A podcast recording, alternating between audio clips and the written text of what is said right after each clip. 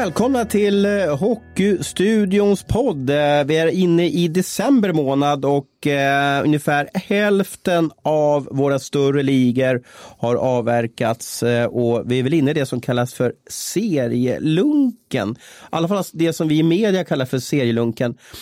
Tellan, uppfattade du den här, blev det lugnt någon gång när man spelar hockey? Upp, upp, uppfattar man på det sättet som spelare också?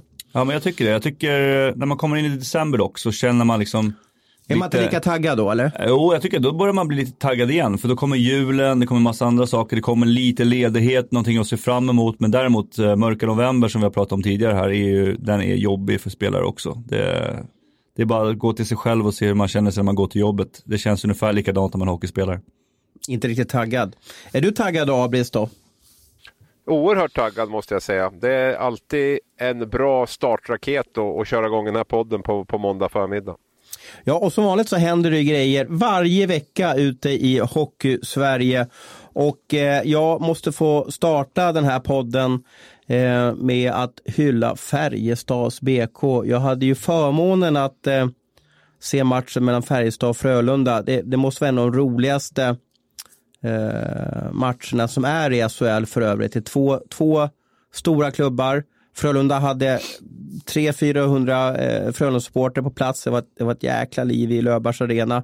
Och så startade ju allting med en, med en eh, hyllning och en ceremoni där man tryckte upp tröja nummer 19 Peter Nordströms eh, nummer till taket. Och det var världsklass. Det var 5 plus. Det, det, Färjestads BK är bäst i Sverige på att göra ceremonier. Och då satt jag och funderade på vilka klubbar har jag sett haft ceremonier? Jo, jag var, jag var i, i Malmö när eh, Mats Lust hyllades på match. Jag har sett eh, hyllningar för, på Djurgården och för AIK. Jag har sett när Jarmo Myllys tröja åkte upp i taket i Luleå. Jag har sett ceremonier i Tegera, Leksands ishall. Men bäst i Sverige i det här ämnet är Färjestads BK. Ja, jag, jag håller med. Eh, jag tycker även att HV har varit rätt duktiga på att göra de här grejerna. Eh, Frölunda, han är bra för, för Andersson där också, men Färjestad är, de gör det extremt bra. De gör det känslomässigt bra också. De får med sig hela publiken och, och så här, så man känner liksom att man är där med Peter Nordström. Så att, eh, nej, hatten av för Färjestad. Sen gjorde eh, Peter, eller Peter Nordström hade en ganska rolig grej för sig. Eh, lite sådär schysst mot de som har stöttat honom genom åren. Det var två personer på isen som man inte riktigt kände igen. Det var ju Håkan Loob och det var Munkfors. Och, och, det var liksom pampar på isen som berättade vänliga saker om, om, om, Peter och hans karriär. Men sen tog han ut två klackledare, Niklas och Henka. Om jag, om jag, om jag förstod att det var Henka där. De som ledde klacken på 90-talet och 00-talet. För det är de som har skrikit fram honom och stöttat honom. De två fick hjälpa till när tröja nummer 19 hissades upp i, i, i taket. Det tyckte jag var lite fint gjort. Mm. Vill man göra sig själv odödlig med, med fansen så det är helt rätt väg att gå. Och jag menar, det vet vi alla om som vi har spelat och det känner ni också sitter på läktaren att fansen har stor del i, i det här med att man vinner och, och förlorar och alltihopa också. Att man, man får den extra energin liksom som gör att uh, man vinner till slut. Just det ska vi säga också med Färjestad där att eh, de hade ju en ceremoni för, för Micke Johansson där matchen innan också så att det känns som, och den var ju också väldigt hyllad så att känslan är att de kan städa av dem där nästan på daglig basis ungefär och göra det riktigt bra. Det tycker jag imponerar ännu mer. Mm. Färjestad har ju tagit ett kliv till. Nu vill jag inte säga i kundkontakten för det tycker jag är så felaktigt. Men att ta hand om sina fans och, och, och media och sponsorer och allting. Eh, de gör det oerhört bra. Eh, jag var ju på matchen som sagt var i lördags och inför matchen får man ett sms med själva biljetten. Efter matchen fick jag eh, ett personligt sms att tack för att du kom och med lite små enkätfrågor vad jag tyckte om ja, matchen och så vidare. Så att de, de har en bra kontakt med sin kundkrets i, i Värmland. Det som jag var inne på tidigare med just Färjestad, det som är styrkan och det som är imponerande och det de har gjort tycker jag, det är att det är en otroligt traditionstyngd klubb, att man har det i bagaget med sig, men man kan ändå förnya sig och göra det här som, som dagens publik vill ha utan att man tappar bort sin, sin själ på något sätt. Och där, jag menar nya klubbar som Växjö och Örebro, de, de kan ju liksom starta sitt arrangemang från noll, för det finns ingenting att jämföra med i stort sett från tidigare. Va? Färjestad är ju liksom med de här klubbarna som Brynäs och Mod och, och, och några till, va? är ju de, de har ju en tradition att ta hänsyn till också, en, en historia att ta hänsyn till. Va? Och, och att uh, mixtra ihop de här två sakerna som de har gjort, det tycker jag är det som, som jag är mest imponerad av. Men spelet då? Eh, är de en rejäl utmanare till att vinna Le Mat 2000, eh, 2020? Ja, men jag, jag tippade ju dem här innan att jag trodde att de skulle gå hela vägen och, och det var väl egentligen med, med Mackan Svensson i målet, men nu tycker jag att Arvid Holm har tagit över där faktiskt och, och spelar riktigt stabilt. Uh, han fick en tuff, upp, tuff, uh, tuff uppgift mot, uh, mot, färg, mot Frölunda här och tycker han gör det riktigt bra faktiskt. Mm. Han blev lite hånad också från fansen där. Det här var nog en bra, bra revansch för honom att, mm. att visa att ja, men jag kan också kan också täppa igen då, fast han släppte in ett mål i den där matchen. Verkligen, och så hade han en ny plockhandske såg det ut som också. En eh, Jaha. guldsvart. Det, det är så det typiskt som... målvakt att ja, kolla, ja. kolla, på utrustning hela tiden. Då. Men var den större, hade, hade, var det liksom en, eller hur, vadå, varför kollar du på plockhandsken då? Nej, men därför att den stack ut, för att uh, allting annat var grönt och vitt, men handsken var svart och guldfärgad. Så jag tror att det där är en sån här handske som man bara fått låna av, av CCM då. Uh, och te testa, lite. testa lite grann och se om man ska beställa lite senare.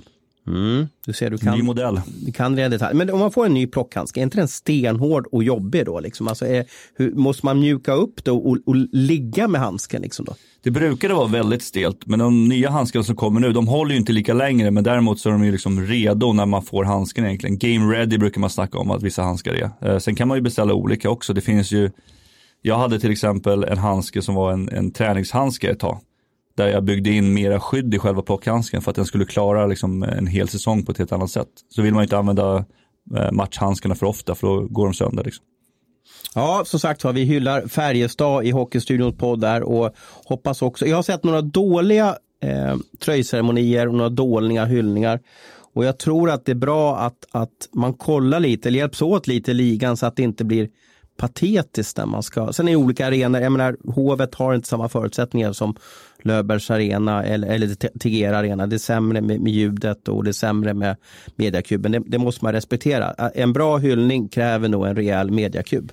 Sen tycker jag att Färjestad, ska du se rolig hockey i SHL idag i grundserien, då är det Färjestad du ska gå och se. Jag tycker de är det mest underhållande laget. Sen är jag inte lika säker som Tellan på att det är en het SM-guldkandidat. Jag tycker att man viker ner sig lite grann i de avgörande lägena. Jag tänker på CHL-kvarten där mot Frölunda, man åker ner och blir helt överkörd. Jag tycker slutspelet de två senaste åren har man haft problem. Eh, så jag, för mig har de fortfarande en del att bevisa när det är kniven mot strupen matcher. Men eh, när det gäller grundserien i SHL så tycker jag det är definitivt det mest underhållande laget.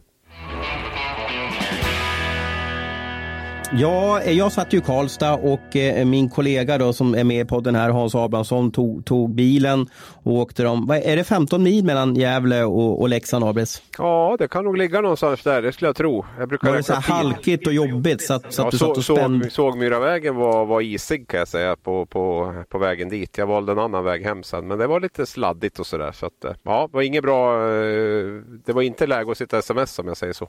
Nej, och det ska man inte göra oavsett om det är dåligt väglag kan jag berätta. För det är faktiskt ot otillåtet att rattsurfa.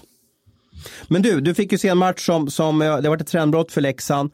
Men sen så vart det ramaskri i Hockeysverige och det är perfekt att Tellan är med här för vi har inte suttit och pratat om det här med Tellan. Vi tog upp det förra måndagen men vi måste ta upp det igen. Eh, det blir som en blöt trasa över Hockeysverige och det handlar ju om den här ah, målgården, hur vi ska se på målgården och hur man ska se på det som har blivit ett lite modeord nu, störning av målvakt. Mm. Eh, och du skrev en tyckare här, mitt under matchen så släppte du allting och skrev en, en, en sylvass åsikt om att nu är det dags för Hockeysverige att ha krismöte om målgården. Hur ska vi se på den och så vidare. Jag tror att den här eh, klickades över 100 000 och det är väldigt mycket för en, för en åsikt. För det, det är nyheter och, och sånt där som, som klickas väldigt mycket på vår sajt. Eh, men, men hur kände du när, när, när du såg det här? Kan du ta oss igenom och för, för lyssnarna också. Vad var det som hände? Varför blev det ramaskri i, i Tegera Arena? Eh, ja, vi pratade om det förra veckan och då var väl jag kanske den som försvarade lite grann att, att målet i Luleå inte, inte blev godkänt då mellan Luleå och Brynäs där. Eh, nu sitter jag ju samma, sitter jag och ser en liknande händelse igen plus att då vi har en händelse i Växjö också, eller Oskarshamn, i Oskarshamn mellan Oskarshamn och Växjö där man lyckas hitta små, små touchar på målvakten. Jag ska inte säga att det är störningar, för jag tycker inte att det är störningar. Och där man dömer bort målen. Och då känner jag att den här händelsen uppe i Luleå, den har ju satt nivån nu för resten av säsongen. Hade SHL gått ut efter den situationen och sagt att det här det här borde egentligen ha varit ett mål. Då hade man kunnat gått vidare. Men nu gick SHL, eller domarbasen ska jag säga, Thomas Torsbrink gick ut och sa att det här det var korrekt bortdömt enligt de regler vi har. Och då är ju Patrik Sjöberg samma domare i Leksand igen som var uppe i Luleå och då har han fått klartecken att det här är okej att döma bort ett sånt mål i Luleå och då dömer jag bort det här också. Annars blir det ju inkonsekvent tycker han då. Och då har vi hamnat i ett läge nu, det finns ju ingen normal hockeymänniska eller någon människa överhuvudtaget som tycker att de här tre målen som har dömts bort nu ska dömas bort. Det finns ju inget fog för det i reglerna heller. För det lämnas ju ett tolkningsföreträde i reglerna och det finns ju ingen som kan säga att målvakten har blivit störda av det här. Jo men alltså domarna följer väl bara reglerna eller är jag felunderrättad? Stör man en målvakt ja, i målgården ja, så döms ju målet bort. Ja, men det finns, ju ett, det finns ju ett, en bedömnings, ett tolkningsföreträde där som domarna kan göra, blir målvakten störd? Och där tycker jag att man har valt en ganska enkel och feg väg. Och så fort det är en touch som man inte kan säga om någon blir störd eller inte, domarna är ändå med för att göra en typ av bedömning och den bedömningen måste man ju fortfarande kunna göra. Mm. Annars, om, vi isolerar, om vi isolerar den här Rögle-händelsen så var det väl så att Brage fick en liten klubbspets på, på benskyddet. Ja, du ska du... få komma in Tellan, jag ser att han sitter och hoppar här i, i rummet. Så vi ska, ja, han sitter och visar med sms och, och massa eh, tweets och så vidare. Så vi, har Sverige vi, har, vi har en frustande Tellqvist snart här. Men, men det var ju väl så här, bara så att vi är överens om hur, hur händelsloppet var, att Brage blev lite störd av en Rögle-spelare. Det blev en retur ut och Rögle gjorde mål på den returen. Visst var det så som det gick till? Ja, men titta, på, titta också, det är viktigt att se hur händelsen blir. Simon Ryfors ska ju slå till en retur. Han missar pucken. Det blir en, skottrörelsen fortsätter att toucha Brages benskydd. Alltså, man måste ju läsa en sån situation också. Vi måste ju kunna få slå på returer i alla fall och, och, och, i vissa fall så missar man ju pucken. Det finns ju ingenting medvetet i det han gör. Det finns ingen störning på Brage överhuvudtaget. Skottet kommer ju i momentet efteråt. Han mm. reagerar mm. ju inte Men vi vet ju inte, vi har ju inte stått i mål du och jag, så vi vet ju inte. Om vi har ju sett vi många målvakter ska... reagera efter de har... Uh... Vi ska väl släppa in Tellan här då. Hur, hur, ser du på, på den här, om vi, vi tar den här händelsen i lördags. Tycker du att det här ska vara mål eller inte? Ja, den i Leksand tycker jag definitivt ska vara mål. Det ska vara mål? Ja. ja. Bra, jättebra. Varför då? Varför då? Därför att jag tycker inte att den, den stör målvakten på samma sätt. Alltså det blir du ingen... han hinner komma tillbaka? Ja, han hinner komma tillbaka och det blir liksom, han är ändå på plats Alltså, det är liksom, han, får ju, han får inte smällen så att han liksom behöver ändra position utan sitter liksom kvar i samma position som han gjorde tidigare också. Uh, så att, nej, den tycker jag inte och, och själva smällen mot benskyddet, det är inget tryck liksom. Uh, så det är nej, det är väl typ hur, det. Hur, hur, hur, det här var ju en händelse och sen gick pucken tillbaka.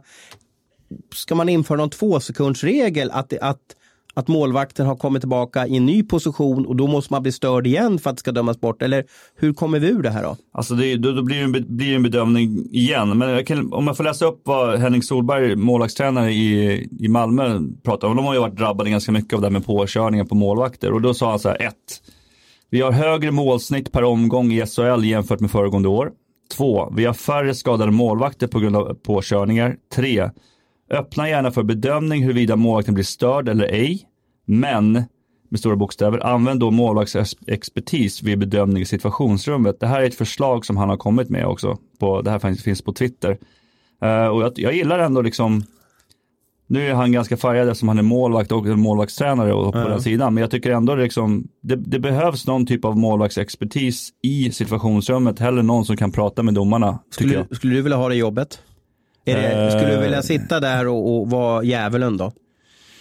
Uh, det, det, får man väl ta en diskussion om naturligtvis, men uh, jag tycker att det är helt rätt väg att gå. Alltså, om man ska ta ett beslut utifrån hur målvakten uppfattar det, menar, det, det är jättesvårt om man inte har spelat eller stått i mål själv, hur saker och ting uppfattas.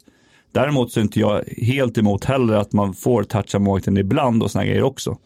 Uh, men vi har ju faktiskt fått ner skador på målvakten i år också.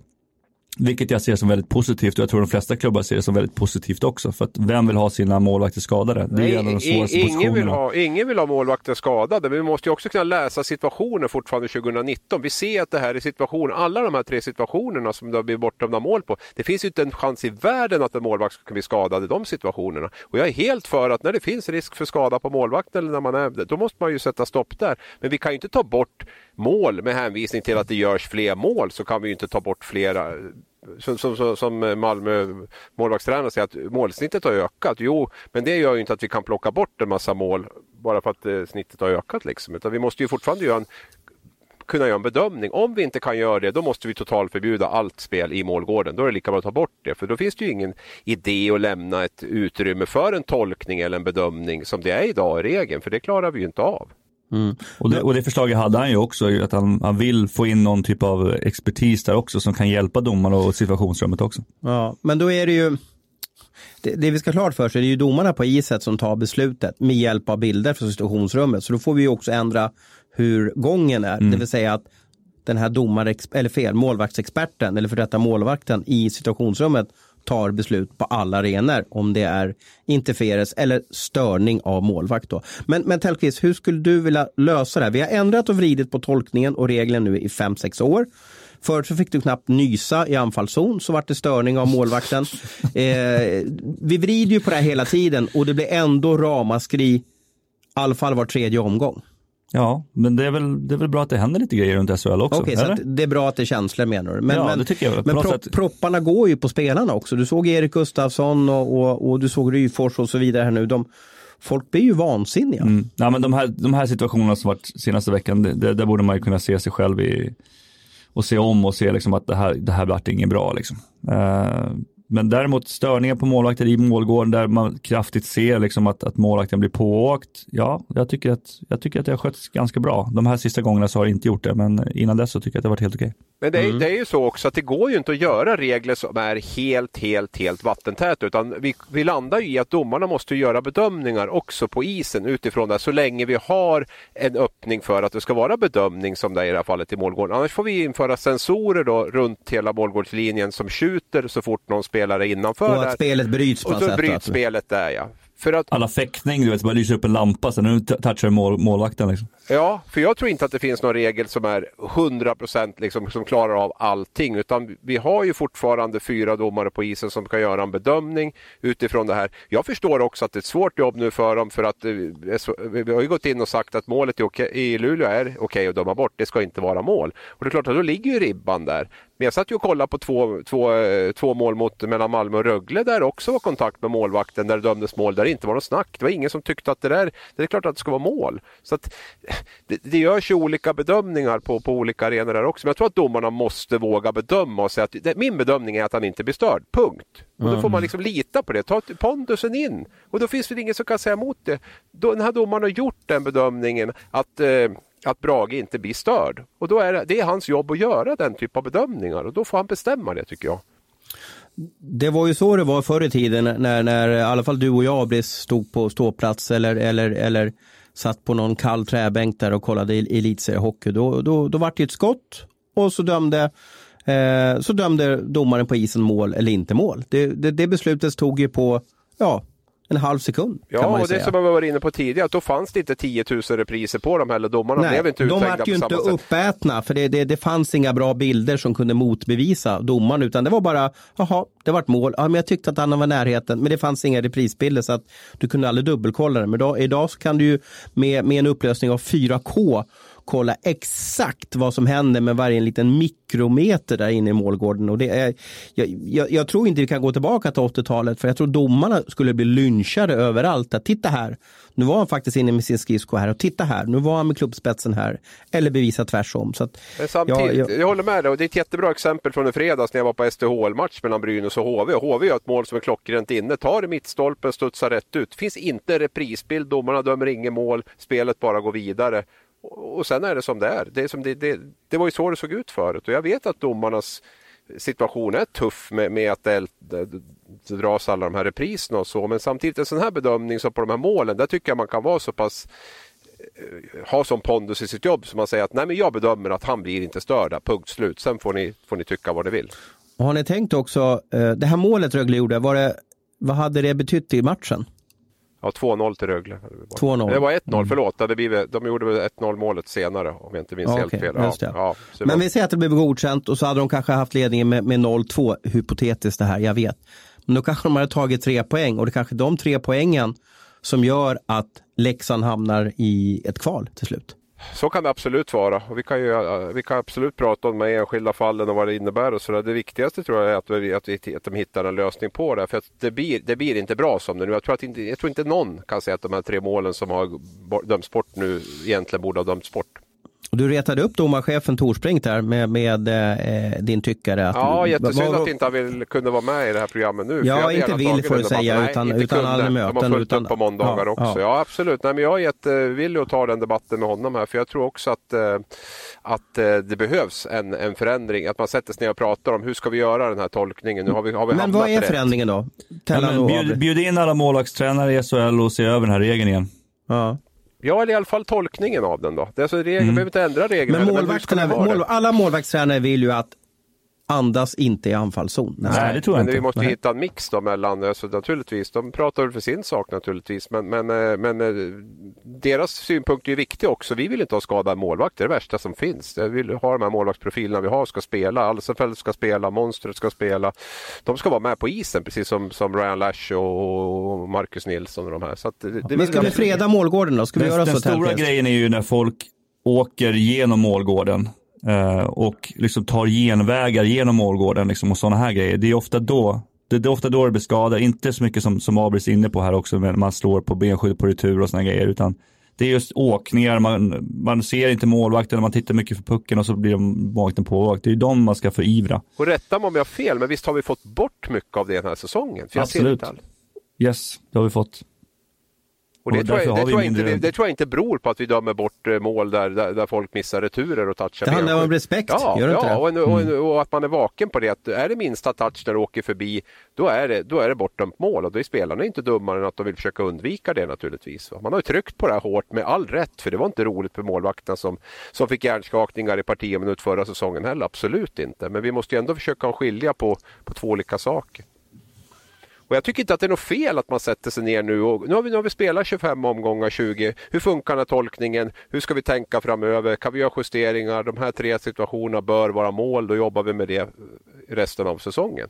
Det är, är det här bara ett svenskt problem eller tror man har samma problem i Finland och KHL och Schweiz och så vidare? Jag tror att det är störst här. Vi, vi har ju tagit det i hårklyveri just nu på, på en nivå som, som, vi all, som inte jag tror finns någon annanstans. Utav det, det är väl inte bara ett, ens fel. Det är säkert vårt fel i media. Det är säkert Simons fel som visar alla priser. Det är domarnas fel och det är säkert klubbarna också bidrar till det här. Så det är ju, men, men det finns ju ingen som, som tjänar på som det är idag. Jaha pojkar, vi går vidare i, eh, i, i färden mot de här 60 minuterna av riktigt bra hockeypodd som jag tror i alla fall att ni lyssnarna tycker när ni har fått eh, umgås med oss under en tid. Eh, vad vill ni prata om just nu? Vi ska då utse, vi ska prata lite publik och utse mest enögd publik och kanske då bästa publiken i SHL. Och sen ska vi även ta upp det som Mattias Karlsson och Marcus Leifby avslöjade i fredags, det vill säga det är ett fansuppror på gång här mot de här kollektiva bestraffningarna. Linköping och eh, Luleå bland annat får ju inte ha flaggor under, eh, även Modo har blivit straffade under januari och Linköping får inte ha flaggor på hela säsongen på ståplatsen på grund av att, att deras supportrar betett sig illa. Vad, vad vill ni prata om? Publik eller ja, kollektiva bestraffningar? Det blir publik i båda frågorna för övrigt. Då. Tellan, du får välja som är, som är rookie. Uh, ska vi börja med enögda då så jobbar vi oss inåt ja, mot, mot flaggregeln. Det gör vi. Uh, vi pratade lite om att vi skulle utse, uh, jag vill ju vara positiv då, så jag tänkte att vi skulle utse bästa publiken i SHL. Men då, då var det någon annan i, i poddgänget som sa, det här med vi vill ta ut det mest enögd och det kanske är bättre eh, kvällstidningsrubrik. Eh, Abis, vill du börja? Vilken tycker du är, och du behöver inte hålla det till SHL bara, du får gärna hålla det till Hockeyettan eller Hockeyallsvenskan också. Vilket, vilka, vilka supportrar och vilken långsidespublik eller, eller vilka tycker du mest är enögde i, i svensk hockey? Jag bollar över den till Tellan först så jag får tänka lite. Jag tror han har tänkt mer på den här än vad jag har gjort faktiskt. Men, eh... Jag kan börja annars om ni, om ni är oroliga och rädda. Nej, ja, jag, jag har tre stycken. Ja, Tellan. Ja, tellan. Ös på. Och du, nu, nu ser du det här från ett spelarperspektiv då, eller hur har du gjort bedömningen i ryggraden? Jag har gjort det från ett Twitterperspektiv. Aha, okej. Okay. Och de som gnäller mest på Twitter? Då, ja. det, det gick det upp en för mig här. Ja, då vet jag. Mm. Kör Tellan. Ja. Luleå, Oskarshamn och Djurgården. Okej, okay, är det de som är mest enögda alltså då? Ja, det ja. skulle jag nog kunna säga. Jag tror Färjestad skulle nog kunna vara med där lite grann också. Men det är de man märker, så fort det kommer någonting mot deras klubb eller någonting så är de där och hugger direkt. Okej. Okay. Då blir det ett, eh, en rant som man brukar säga på, på ja, engelska. Just det, just det. Men sen är det också lite, du förknippas ju starkt med Djurgården, eller hur? Mm, japp. Och Luleå och Djurgården har väl en speciellt förhållande, att det är lite känsligt. Absolut, men jag märker också när det handlar om andra klubbar än, än Djurgården och Luleå eller Djurgården och någonting annat också att det, det är ganska mycket. Men på något sätt så gillar jag ändå, man ska ändå försvara sin Mm. klubb på något sätt. Så jag tycker att det är ganska, ganska bra faktiskt. Du sa eh, Luleå, Oskarshamn, Djurgården. Är det i den inbördes ordningen också? Nej, jag vill inte, den vågar jag inte sticka ut hakan på, men eh, jag tycker att de tre klubbarna sticker väl ut eh, när det kommer till enhögdhet. Eh, Jag håller med dig om, om Luleå, Mm. Eh, men jag vill nämna två andra klubbar och jag baserar inte det på sociala medier utan det baserar jag på när jag suttit på arenorna så kan jag tycka att det gnälls så in, i- in i noden på egna laget och på domaren hela tiden och det blir som här lite tjatgubbgnäll om du förstår vad jag menar. Och då tycker jag det är Brynäs långsidespublik och jag vill nästan säga gamla Kempahallen-publiken i Modo, men i Modo lite överlag också. Eh, att där är publiken mest enögd, att de inte kan se brett och neutralt på, på en hockeymatch. Så tycker jag. Eh, Ja, det var ju intressant att du tog upp den här lång... de- Förut var ju pressläktarna mitt på långsidan. Man satt ju mitt i publikhavet och då var det ju också mycket lättare att känna av de här stämningarna. Nu är ju vi eh, placerad väldigt, väldigt högt upp eh, på de flesta arenor och väldigt långt ifrån eh, de här kommentarerna längre. Och då är det ju intressant för både jag och Tellan känner lite grann att då får man gå lite grann på sociala medier. Inte som det var förr där Kempehallen liksom var, var den gnälligaste. Och jag, jag är nog lite inne på det. Jag har inte riktigt koll på hur gnälligt det är på ståplats eller på långsidan längre. Så jag måste nog säga Luleå och Oskarshamn då. Oskarshamn alltså, Ja, som är nykomlingar och borde tycka, som tycker att det här är helt otroligt. Då. Ja men det är lite samma. Jag, jag kan inte säga att jag har suttit och lyssnat liksom på, på alla domslut de har visslat mot i, i, i BG, BG Hockeycenter. Där. Men, men, men däremot just det som Tellan är inne på, de reaktioner man får mot den egna klubben. Det har jag ju själv utsett Oskarshamn till att jag aldrig upplevt något liknande under, under den hösten då när, när, när det brann som värst där. Eh, så jag måste ju ha dem nu också faktiskt, eh, ihop med Luleå där. Intressant att inte tar ut Oskarshamn där. De borde ju vara överlyckliga. De är ju inne i sin största hockeyfri någonsin. De är i högsta serien. Eh, och så vidare. Nu har de ju haft det tufft och åkt på vrålpisk och sen har vi den här hemska tacklingen på den här backen då. Som Kinnamin tryckte till då. Så att de har ju haft en del tuffa saker mot sig då. Men ja, Ja, jag har inte känt av det där med Oskarshamn. Men jag, jag kanske får eh, ge mig in i, i, i tyckarbranschen igen och, och trycka till Oskarshamn så får vi se vilka bajsmackor som kommer tillbaka. Ja, och det behöver inte test. vara negativt heller bara. Så det är som, som Tellan säger, det är väl bra att man står upp för sin klubb. Sen kan man väl tycka det är lite Ja, man inte kan skilja på, på, på klubb och åsikt på någonting. För ibland tycker jag att, det, att, det, att man liksom avskyr hela klubben bara för att man tycker att de har gjort två dåliga värvningar eller någonting sånt där. Eller, eller, eller vad det kan vara. Så det, blir, då kan man ju bli lite. Men, men samtidigt kan jag gilla engagemanget. Utan engagemang så, så, så stannar Hockey-Sverige. När du spelade hockey, vilken publik, eh, Tellan, tyckte du var, herregud vad de vrålar hela tiden. Fattar de inte reglerna? Fanns det någon publik som du kände, ja, det här är ju som jag, var har jag kommit någonstans?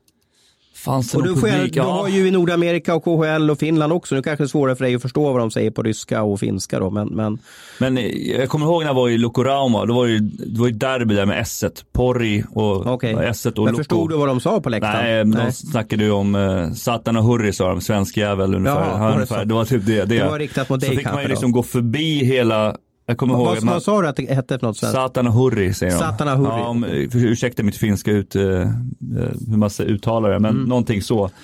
Där kommer jag ihåg att våra materialare fick alltid gå förbi borta eller hemmafansen då. Det bara haglade det snusdosor och spottloskor och Ja. Så det var nästan så att de inte ville gå in i, i omklädningsrummet liksom, i mellan pauserna. De ville gärna stå kvar på bänken där. Så att, eh, ja, det var riktigt, riktigt illa. Eh, och det var, där, där skrek de på allt. Du menar alltså på S1 hemmaplan då? Alltså? Mm, på SS hemmaplan i Porri. Jaha, Mm. är allt. Björneborg på svenska tror jag. Ja, Okej, jag har aldrig varit där. Spännande. Bra spaning. Ja, den är, det är ingen semesterstad, ska Nej. jag säga. Nej. Det finns sommarstad som alla andra.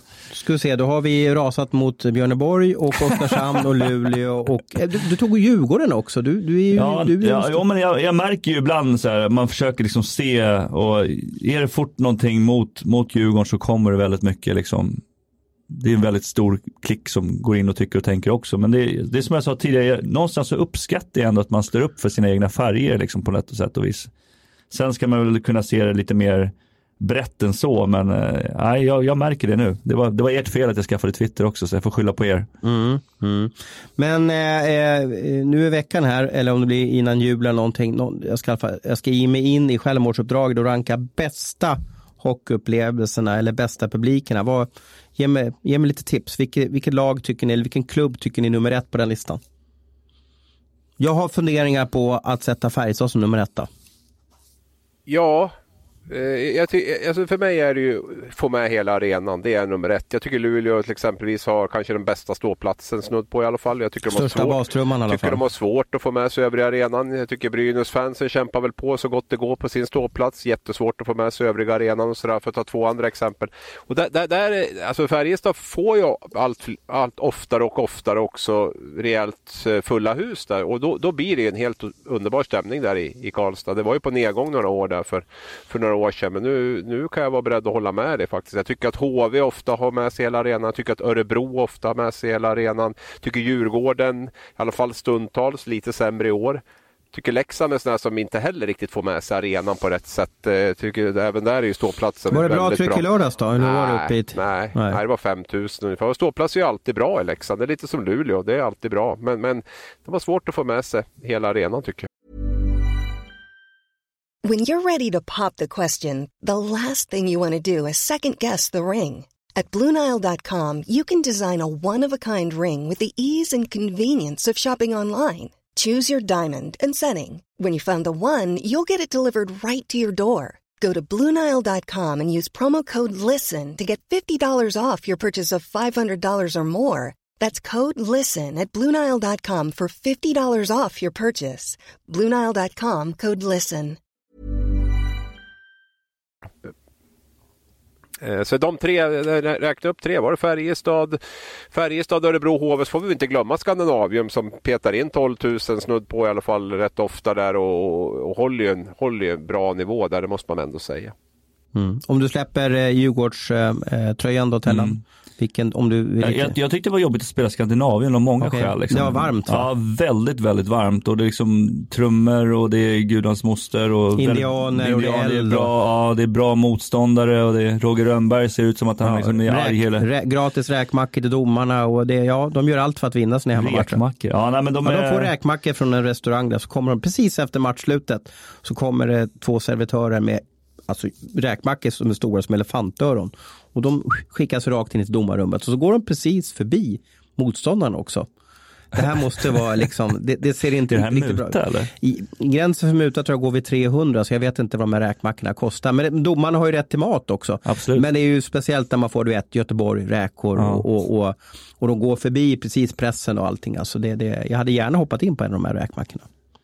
Står det domarräker på dem när de går förbi också eller? Nej, de går ju, man ser att de kommer till domarrummet. Ja, så du har stenkoll på det där. Mm. Nej, men jag tycker det var, det, var en, det var en jobbig arena att spela i. Uh, just på grund av att det är varmt, bra, ofta bra tryck. Uh, man kommer dit med, med Djurgården som inte är så omtyckta var man än kommer uh, från storstan. Så att, nej, det var det är en jobbig arena att spela i. Det är konkret. Rögle behöver väl nämna Thomas också på positiva ja, sidan. Ja, jag tycker ja. de har en grymt bra Perfekt arena. Hall. Mm. Ja, mm. perfekt hall.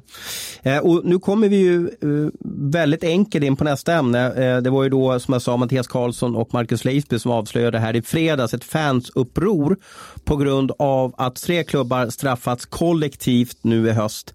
Det är Luleå, Linköping och Modo då. Eh, och Linköping har straffats hårt, hårdast för att de får inte ha flaggor eh, och, och tvåpins eh, och, och banderoller på hela säsongen. Det vill säga de får inte ha något tyg. De får ha halsdukar men de får inte ha något tyg på ståplats. Och det, man vill ju ha tyg på ståplats, nu låter det som att jag är en saggig gubbe här, för att förhöja stämningen eh, eh, i, i, klacken och så vidare och göra fina tifos och så vidare. Och det här tycker fansen är jättemärkligt. Leifby skrev en, en osande krönika i ämnet där han eh, skrev så här i ingressen. Man bör kalla saker och ting vid deras rätta namn. Svenska Hockeyförbundet och SHLs förbud mot flaggor och banderoller är ingen säkerhetsåtgärd. Det är maktmissbruk. Och han tycker då att man kan inte, om, om, om en familjemedlem kör för fort så ska man inte straffa frun eller barnen för att, för att gubben har kört för fort, exempelvis. Så att säga. För det är, det är det som blir eh, det är det som har blivit eh, effekten av det här. Och vart är vi på väg, Abris? Vart, vart ja, är vi vart är vi på väg? Och det här diskuterar vi lite grann när vi pratar om torparock och, vad som är tillåtet att be om ursäkt. Jag upplever att det har ju blivit en, en ganska stor förändring i det här. Att det har blivit så här eh, att det blivit så... Säkerhetstänket har blivit större. Man är orolig i SHL mer för vad som sägs om varumärket. Man är orolig vad ståplatspubliken gör och man är orolig för hur klubbarna beter sig mot varandra. Ja, och jag tycker att det är en oro som är rejält överdriven måste jag säga. För att jag, jag läste också Leifs krönika och jag kan också, jag har varit på, jag vet inte hur många, alltså jag kan inte räkna hur många hockeymatcher man har varit på i sitt liv. Men jag kan säga att jag känner mig väldigt, väldigt, väldigt, väldigt sällan orolig när jag går på ishockey. Jag upplever inte att det är någon farlig plats att vara på. Det var farligt på 70-talet när jag började gå, när, när de slog som galningar på ståplatssektioner utan, utan räcken och allt vad det var för någonting där när AIK och Djurgården var på besök i Gävle och så. Då var det farligt att gå på hockey. Nu tycker jag inte alls att det är det. Sen finns det avarter. Man ska absolut inte tända bengaler i, i, inne på ishallar. Men, men att det ska bli den typen av straff för enskilda händelser är ju fullständigt absurt om du frågar mig. Jag, jag ser ingen som helst liksom, rim och reson i, i, att göra på det sättet. Nej, Nej. Och, jag, och jag håller med dig. Jag, jag var med på den här tiden när, när Djurgården åkte till Scaniarinken och det var stormningar på över sittplatssektioner. Jag såg något Stockholmsderby där, där supportrarna också sprang över sittplats och det är ju inte bra. Det är inte snyggt för då skrämmer man bort folk och så vidare. Va? Men, men, men utan en fungerande och levande ståplats så dör hockeyn. Vi måste ha stämning på matcherna och man ska ju försöka hjälpa de här äh, tifogrupperna äh, och istället att, att förhöja stämningen på matcherna och miljön på matcherna. Ja, för vi måste ju liksom lyfta ut det här i, alltså det, det, är två, tre personer som tänder en bengal i Oskarshamns ishall från Linköpingsklacken. Det finns ju ingen vettig person i Linköpingsklacken eller i klubben eller någonting som, som tycker att det är okej, okay, utan de försöker ju verkligen få tag i de här personerna. Men att det ska leda till att flera hundra eller nästan tusentals personer straffas på det här sättet, det är ju Ja, det är otroligt märkligt och jag jag har missat lite grann av det här med, med, med de här flaggförbuden och jag, jag, jag, kan inte förstå logiken mellan det. Det kan ju i princip vara en eh, Vita Hästen-supporter som tränger sig in i Linköpings sektion och tänder bengal bara för att jävlas. Ja, och det är ju åt helvete att tända bengal på ståplats, det måste jag ju säga. Det är ju, alltså det, det, är ju, det, det, är, det, är ju, det, är ju jättefarligt. Men som jag förstått det så har man ju kunnat identifiera vem det här var som tände bengalen. Eh, och då borde man ju stänga av den från hockey under ett år. Någonting. Det är ju ett mer rimligt straff än att göra en, en kollektiv bestraffning. Ja, jag, jag, jag sitter bara och håller med här för jag tycker också att kollektiva bestraffningar är ingenting jag är för överhuvudtaget och jag menar, det är lite som ni är inne på, jag menar, läktarkulturen är ju liksom det gör ju någonting åt SHL också. Det är därför man tittar på vissa matcher. Det är därför det blir den här stämningen som det blir i vissa hallar som vi pratade om innan också. På grund av att fansen livar upp med tifon och sådana här grejer också. Så det behövs ju. Samma grej har vi i allsvenskan, om vi går upp på allsvenskan i fotboll också. Jag menar, fotbollen i sig kanske inte är det bästa, men man kommer ju för ofta för, för fansens skull, att ja. de drar igång. Så att, jag menar, det, det är ju det är som att elda på bara det här mot, mot fansen och det blir aldrig något bra. Liksom. Och det är ju så här att SHL är ju en väldigt välmående eh, intresseorganisation, det vill säga de ägs av de här 14 SHL-klubbarna och det är, de, de har ganska mycket pengar och det innebär att de kan utöka sin säkerhetsavdelning och när man anställer säkerhetsfolk då då vill ju de liksom vara, göra sitt jobb till 100% eller 150% så funkar vi ju människor att vi vill göra ett bra jobb. Och det är väl klart att de försöker titta på allting, att det där kan man fara, det kan man fara och så vidare. Va? Men det måste finnas lite sunt förnuft i det hela. Ja, jag satt och tittade lite grann på den här tävlingsnämnden också då, som, som nu är de som officiellt har delat ut de här straffen. Sen vilka som drar exakt vilka trådar är väl en annan sak. Men vi var vår vän Mikael Haglund som är ordförande där för övrigt. Och sen ett namn till som jag hajade till på var Lena Salin som eh, mm. var väldigt starkt namn i SHL tidigare och som nu är, är ledamot i, i den här tävlingsnämnden. Så att, eh, det finns ju ganska goda kopplingar också från, från SHL till tävlingsnämnden. Jag tror inte att det är någon tillfällighet att det har blivit så här. Och det kan väl också vara att man kanske kommer från en fotbollsmiljö, att man tittar mycket på fotbollen och ser de faror som är ja. där. Jag tycker inte det går att jämföra fotboll Nej, med hockey. Det jag, jag tycker att det är dag och natt. Nej, men det är det jag för menar. Det, för det är så familj, familjärt på hockeyn och det är så myspys och det är liksom, ja, hockeytröjor och man tar det lite lugnt och sådär. Liksom men det är det jag menar, att där har man ju hamnat lite fel. Man kanske tror att nu ska vi stoppa Olle i grinden här innan det blir som med fotbollen. Men jag har aldrig upplevt att det har funnits sån, några sådana tendenser överhuvudtaget. Och det är ju lite grann som att om vi skulle spela in en podd här och så skulle någon annan spela in en podd och säga något olämpligt och så skulle man förbjuda alla poddar eh, på grund av det, då skulle väl vi tappa sugen kanske hålla på och göra podd i fortsättningen också. Jag menar, det är det jag känner med de här stackarna som står där på ståplats och, och gör de här grejerna och som bara vill liksom hylla sitt lag och skapa en stämning som är på, på sitt sätt unikt i, i hockeyvärlden. Eh, och, så, och så får man det här över sig. Hur ska man orka tända till igen då? Bra slutord. Eh, ehm, vi går vidare och det är dags för, som jag tycker, eh, programmets höjdpunkt. Bumper. Ja, jag hade mycket tid igår pojkar och, och eh, jag satt och, och fnula på, på en quiz. Vi är ju december och det är jul och, och sådär så att då ska vi vara lite extra myspysiga och genomarbetade mot våra lyssnare. Så jag ringde faktiskt upp den här ja, jag säger killen då, vi, nu har jag avslöjat att det är en manlig hockeyspelare. Så jag fick liksom små detaljer om den här spelarens eh, eh, karriär. Och han visste ju om vår podd och visste om att vi körde quiz. Så att han, han gissade att Abris skulle ta den på fem poäng och gissade att Tellqvist skulle ta på typ 3-2 poäng. Eh, en liten detalj som kanske kan hjälpa er eh, och, och, ja, med, med en liten eh, kanske lite hjälp på vad rätta svaret är. Ska vi dra igång? Ja. Ja, Tellqvist har eh, telefonen här. Du sitter ju i Gävle nu, du sitter ju över telefon då, så vi får se om smsen går fram lika snabbt den här gången Abris. För du skriver väl via datorn kan jag gissa som vanligt. Ja, jag får göra det. Eller bara hitta dig här någonstans i min... Ja, men nu drar jag igång. Ja, vi orkar inte vänta nu. Fem poäng. Eh, 48 år, född i Huddinge. Första husdjuret var katten Putte. Gick ut nian på Larsboda högstadium med 3,2 i snitt. Hur enkelt som helst. Ja, verkligen. Där fick man ju allting på en gång. Ja. Ehm, Jag menar, Larsboda har nog bara producerat en duktig SHL-spelare eller elitseriespelare. ja, Jag har ingen press på mig, jag ska ju vänta till två eller tre poäng, Ja. så det är lugnt. det här känns Ja, ju som en fem poäng. Ja, jag har ett par förslag här som jag tänker på. Jag, jag har ju räknat ut årtalet i alla fall på när han är född. Så att, ja. Ja, ex extremt Kör. bra årtal Ja, också. Ett årtal som har producerat många duktiga i hockeyfamiljen. Eh, fyra poäng. Debuterade i AIK säsongen 88-89. Blev två matcher i högsta serien. Sedan skickades personen vid eftersöket till Danderyd i Hockeyettan. Det här tyckte jag var en kul detalj och jag tog upp det på fyra poängsnivån. I debuten för AIK fick han noll istid, men åkte på ett lagstraff och då fick han åka in på isen eh, och sätta sig ja, som en två minuter för att de var för många på isen. Eh, Så han fick alltså ingen istid i den här matcherna, men han fick i alla fall, ja, hamnade, ja, fick i alla fall åka på isen. Han hade Mats Näslund och Sergej Makarov som de första idolerna. Får skylla på att det hackar lite på den här ljudledningen där. Ja, men det är du som har valt att Gävle också. Ja, jo. Oj, nu stavar jag lite fel, men du kan se vad det står Mm, ändå. ja, just det, just det. Ja, det finns ju två profiler, men, men eh, ja, eh, du tog eh, smeknamnet där, ja, precis. Ja, vi har fått svar på fyra poängsnivån då. Från Mikael Tellqvist.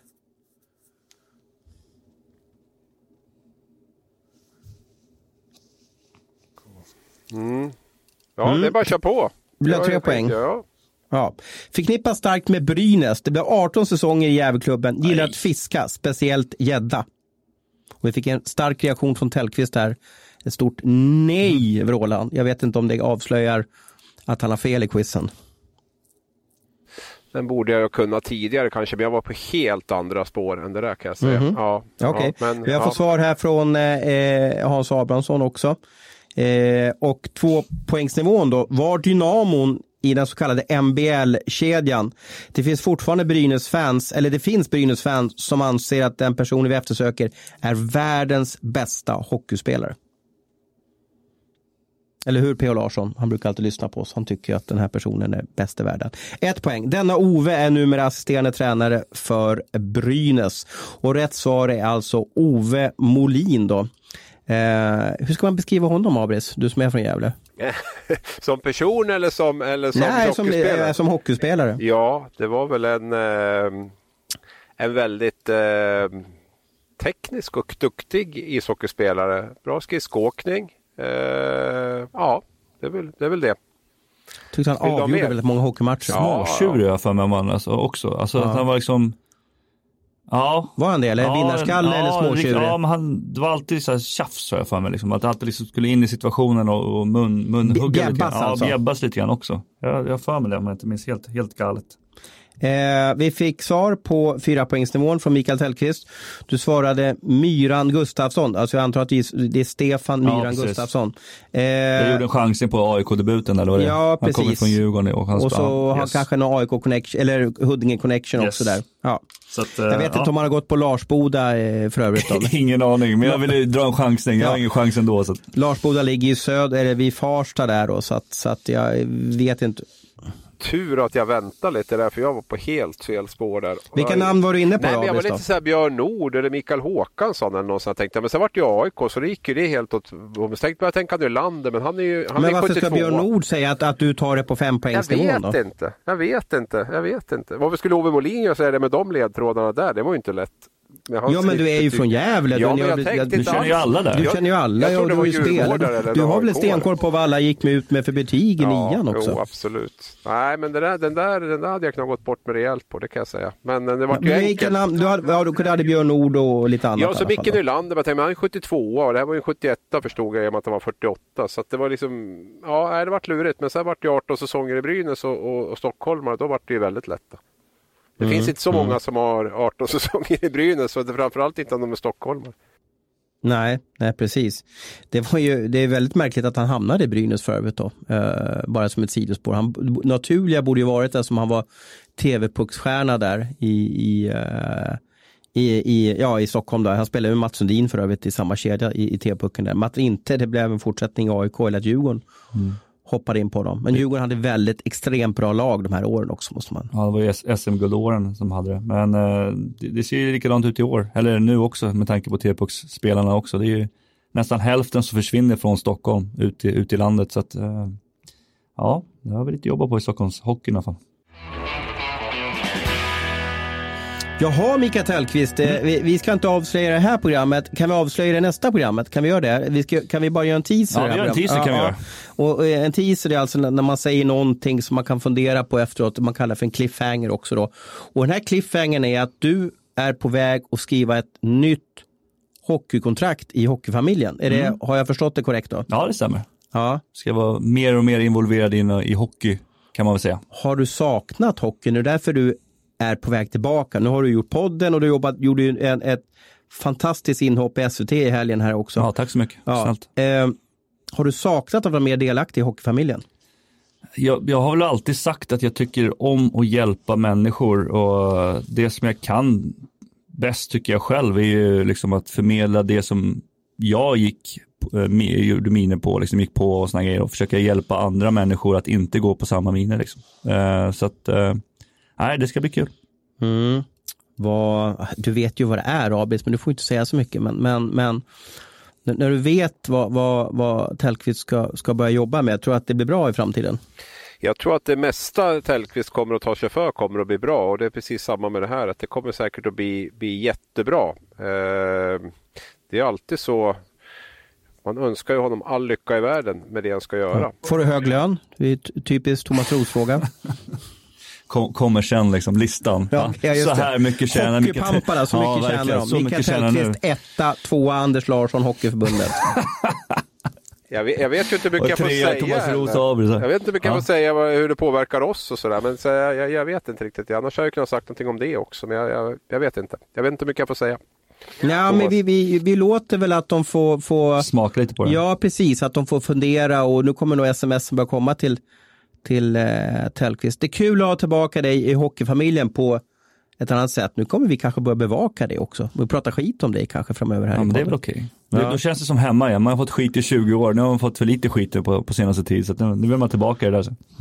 Men eh, förutom det här då. Eh, har vi något mer att säga eller ska vi lägga ner det här programmet för den här gången? Eller vad, vad, är det något mer som ni tycker att vi måste babbla om den här veckan? Måste väl ha några spaningar till från veckan va? Det känns som att det har varit, hänt mycket i veckan. Tellan, vad tycker du är det häftigaste? som har hänt? Presskonferensen var väl ändå lite Ja, kul. men. Färjestad, Ja, ja, Färjestad, ja. Frölunda. Ger dem Ja. så att om man, om man Ja. kollar på den filmen så ser man att han sitter och håller sig hela liksom, presskonferensen. Han vill bara säga det här, kan vi få det ut? Och sen när, Ja. när Roger Rönnberg går ur situationen så ser man ju bara, han bara kokar. Han bara kokar på hela ansiktet. Det är Mm. Ba- underbart. Bakgrunden var ju så här att jag vet inte hur många presskonferenser man har varit på. Det, det händer aldrig någonting. Det är ganska tråkigt. Presskonferenser har blivit som ett sätt för klubbarna att jaga tv-klick på sina hemsidor om jag ska vara ärlig.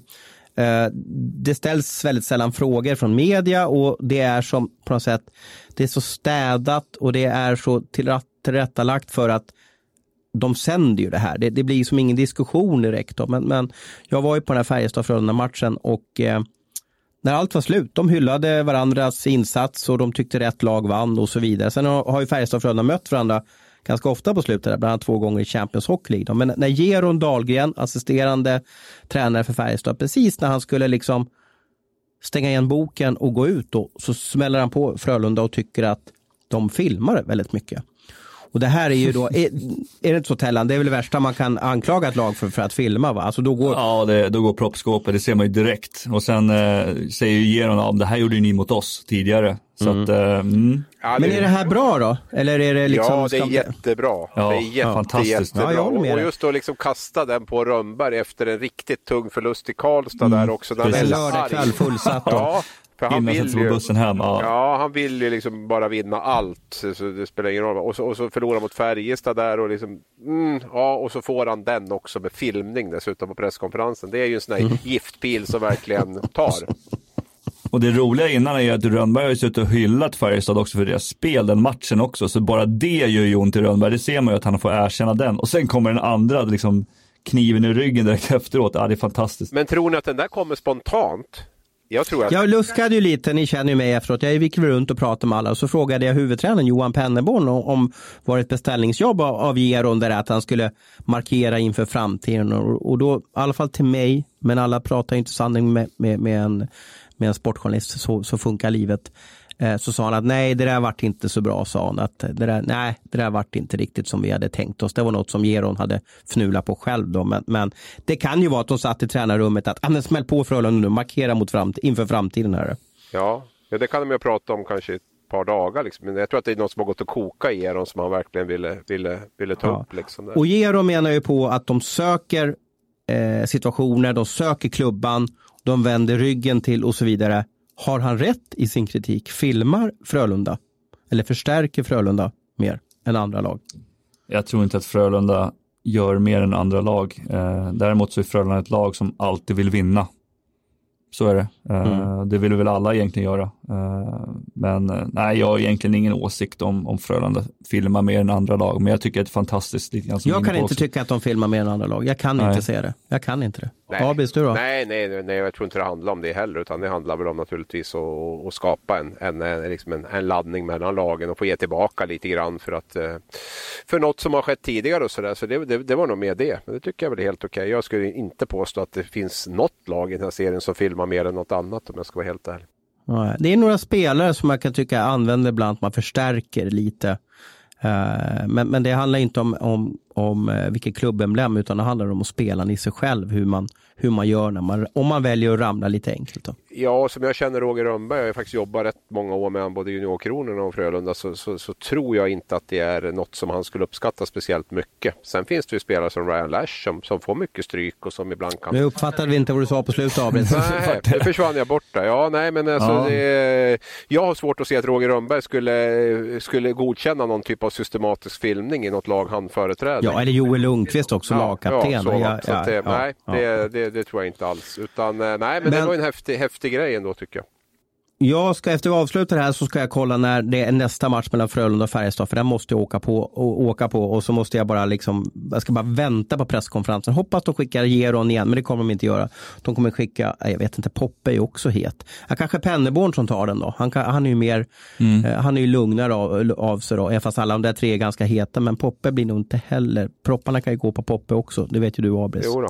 Eh, absolut. Sen är det lite lilla julafton för mig den här veckan. Får vi lyfta en lans för JVM-truppen på onsdag som kommer där. Så det blir spännande. Inte för att ta något ifrån eh, Tre Kronors presskonferens idag som du ska på. Men får jag välja en den här veckan så tycker jag den är intressantast. Mm. Ska vi sända den på Sportbladet? Eh, det är inte hundra klart än faktiskt, tror jag. jag Hopp, hoppas vi gör det. Ja, jag tycker lite roligt och, och sätt, ja, jag tycker det är lite roligt att kolla på det där. Det blir alltid någon skräll.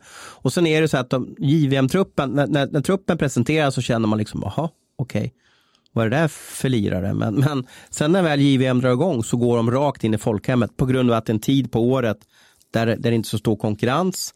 Och man älskar att se juniorer, unga hockeyspelare, bara köra helt frejdigt där på isen. Och så är det väldigt lite diskussioner runt eh, huvudtacklingar och bortdömda mål också på alla JVM-turneringar som jag har varit på. Så det är en liten sån här frizon faktiskt då, att komma dit. Ja.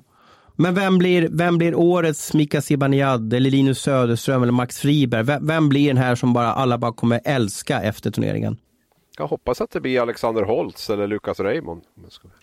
Jag hoppas okay. att de är redan nu, okay. de är två år yngre så att det, det ska man ha en jäkla ja. respekt för. Du tror inte på Viktor Söderström? Eh, vi har ju så många backar nu så att eh, jag vet inte om han, eh, han ligger nog inte högst upp i kön där. Och som Nils Lundqvist till exempel har spelat den här eh, SHL-hösten så, så, skulle jag väl nästan eh, lyfta fram han som en av ligans absolut bästa backar. Och han är väl kanske rankad femte back i det här laget och det säger väl en del om, i på förhand, vi säger väl en del om vilken backkvalitet det är. Med, med, jag tror vi har sex första runder i, i våran, på vår backsida. Som, som de... Kommer Adam Bokvist, kommer han loss? Vad sa du för något?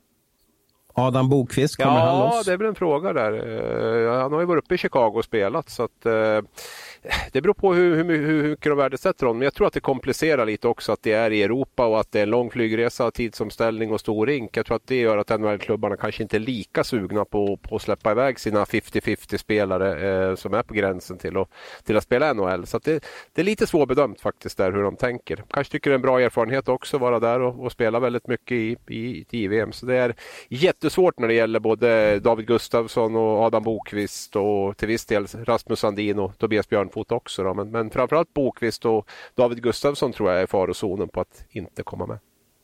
Eller inte släppas. Mm. Ja. ja. Vi eh, är nära 60 minuter nu, dags att avrunda och tacka, tacka för första podden i december. Bra kött idag grubbar. Ja, alltid lika kul, och, kul att vara med och det, är, det är fantastiskt att vi kommer in i december och man ser att eh, lite kallare i luften här i Stockholm och solen tittar fram så att vi, jag är glad igen. Vi hörs om några dagar igen. Hej då!